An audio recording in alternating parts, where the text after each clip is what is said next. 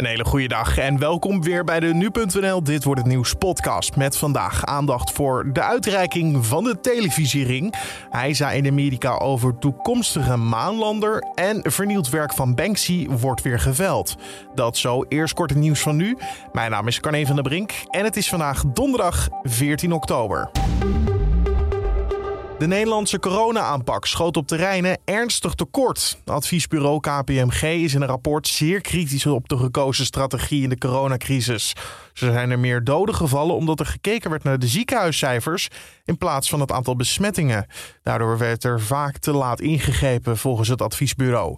Zeker in vergelijking met Scandinavische landen als Noorwegen, Denemarken en Finland deed Nederland het beduidend minder goed, zowel qua economische groei als oversterfte. In de Noorse plaats Koensberg heeft een man gisteravond met een pijl en boog vijf mensen gedood en nog eens twee anderen ernstig verwond. De 37-jarige verdachte is door de politie opgepakt. De twee gewonden zijn er slecht aan toe. De politie onderzoekt nog of het om een terreurdaad gaat. Werk, school en vrije tijdsbesteding moeten meer over de dag verspreid worden om files te voorkomen. Daarvoor pleit de voorzitter van de Mobiliteitsalliantie in gesprek met nu.nl. Dat is een club met de grote vervoersbedrijven van ons land, zoals NS, Schiphol en de ANWB. Gebeurt dat niet, dan loop je volgens hun vroeg of laat vast. Het wordt namelijk steeds drukker op de snelwegen. Zo werd deze week de drukste ochtendspits in anderhalf jaar tijd genoteerd. Later beginnen op je werk of op school zou een oplossing zijn voor dit probleem. En 11.000 inwoners van de Duitse plaats Essen moesten gisteravond hun huizen verlaten, omdat een grote bom onschadelijk werd gemaakt. De bom zou afkomstig zijn uit de Tweede Wereldoorlog en ook het verkeer in het gebied werd tijdelijk stilgelegd en de treinen reden daardoor ook niet. Hoewel er in Duitsland vaker munitie uit de Tweede Wereldoorlog wordt gevonden, was er in de stad al zeker 20 jaar geen explosief van deze grootte ontdekt. De bom werd later die avond succesvol onschadelijk gemaakt en iedereen kon weer naar huis. Dan over naar de dag van vandaag, oftewel dit wordt het nieuws. Vanavond worden de televisieprijzen van Nederland uitgereikt in Carré. Waaronder natuurlijk die felbegeerde televisiering. Genomineerden daarvoor zijn de docuseries De Kinderen van Ruinerwold, Een Huis Vol en de actieserie Mokromafia. Onze entertainmentkenner Lara Zevenberg weet er meer over. Wat ziet zij in de nominaties van dit jaar? Collega Julien Dom vraagt ernaar. Nou, je ziet toch wel duidelijk dat, uh, dat, dat bijvoorbeeld een docu-reeks en reality series, dat die steeds vaker opduiken uh, bij ook dit soort prijzen. Dit jaar is uh, de documentaire over de kinderen van Reiner Wold is genomineerd voor de, de televisiering.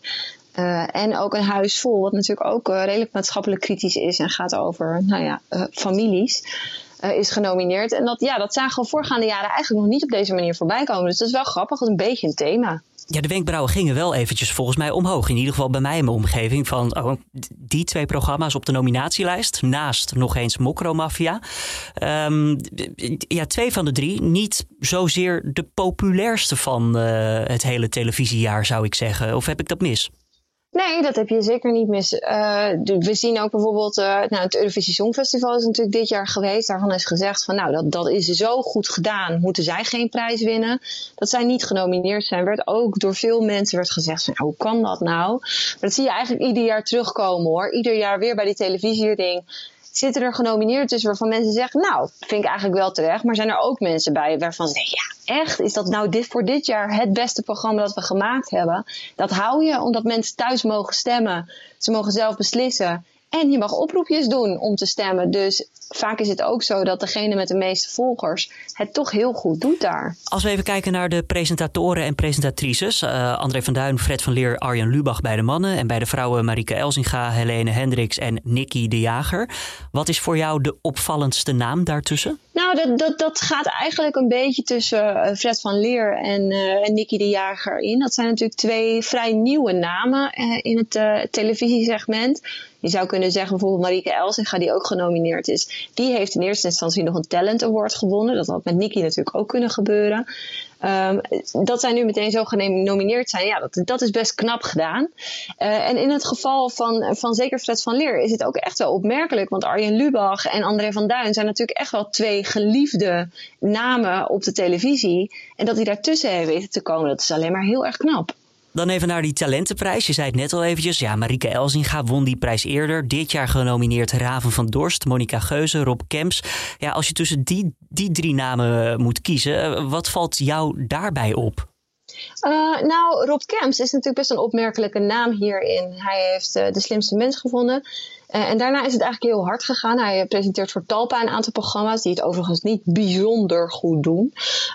maar hij, hij is met Matthijs van Nieuwkerk natuurlijk ook voor chansons op, op pad geweest. En dat is ongelooflijk populair. Scoort ook heel goed kijkcijfers. Dus, ja, maar lag dat aan hem, denk je ook? aan hem of aan Matthijs van Nieuwkerk? Bedoel je het ja, precies, inderdaad. Aan wie van de twee lag dat? Uh, ja, nou, ik denk een combinatie van. Ik denk dat mensen het ook een leuk duo vinden. De combinatie is natuurlijk opmerkelijk.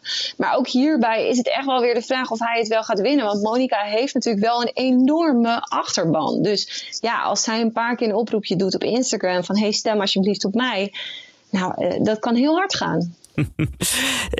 De televisiering aan zich, eh, aan het begin van de hele nominatielijst en dergelijke, was er nog wat gedoe hè, rondom roddelpraat. Heeft dat nog effect gehad op het verdere verloop van ja, toch wel dit televisiefeestje? Ja, zij maakte in eerste instantie kans om uh, in de top 3 terecht te komen, te komen voor online serie.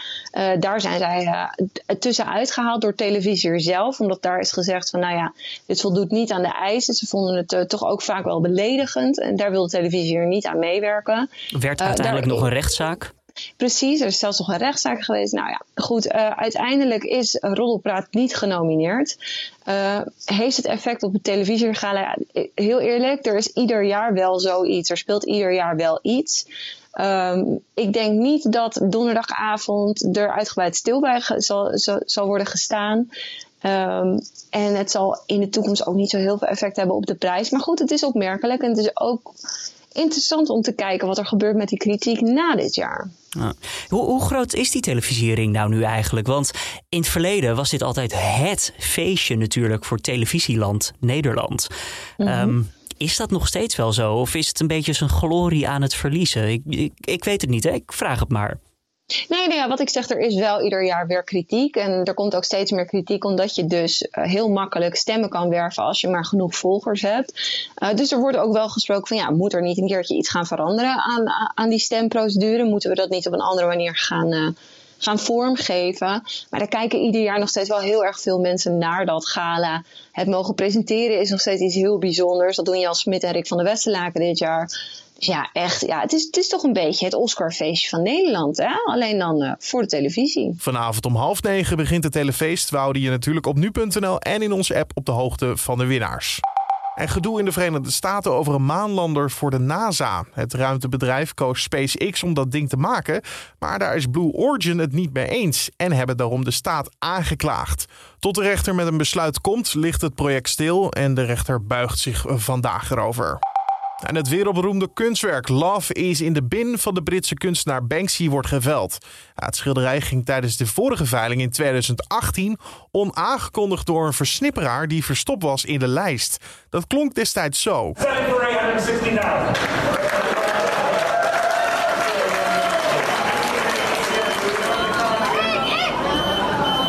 Uiteindelijk lijkt het schilderij door die actie alleen maar meer waard geworden. Destijds werd het verkocht voor dik 1 miljoen euro.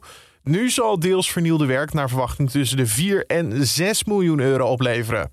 De veiling begint vanavond om 8 uur Nederlandse tijd, dus stof je pinpas of creditcard maar af. En dan nog het weer van Weerplaza. Vandaag weer met Raymond Klaassen. Het is wisselend bewolkt in het land. Lokaal komen ook wel wat opklaringen voor. En vooral in het oosten en zuidoosten is het fris in de vroege ochtend. De temperatuur ligt dan rond de 5 graden.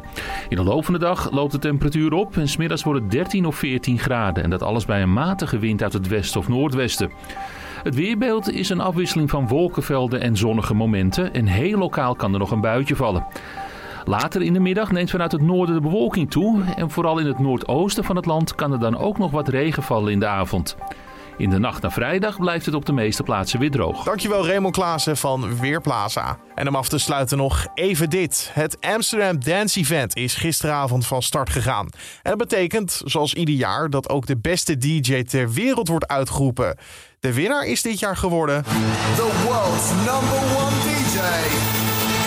David Guetta.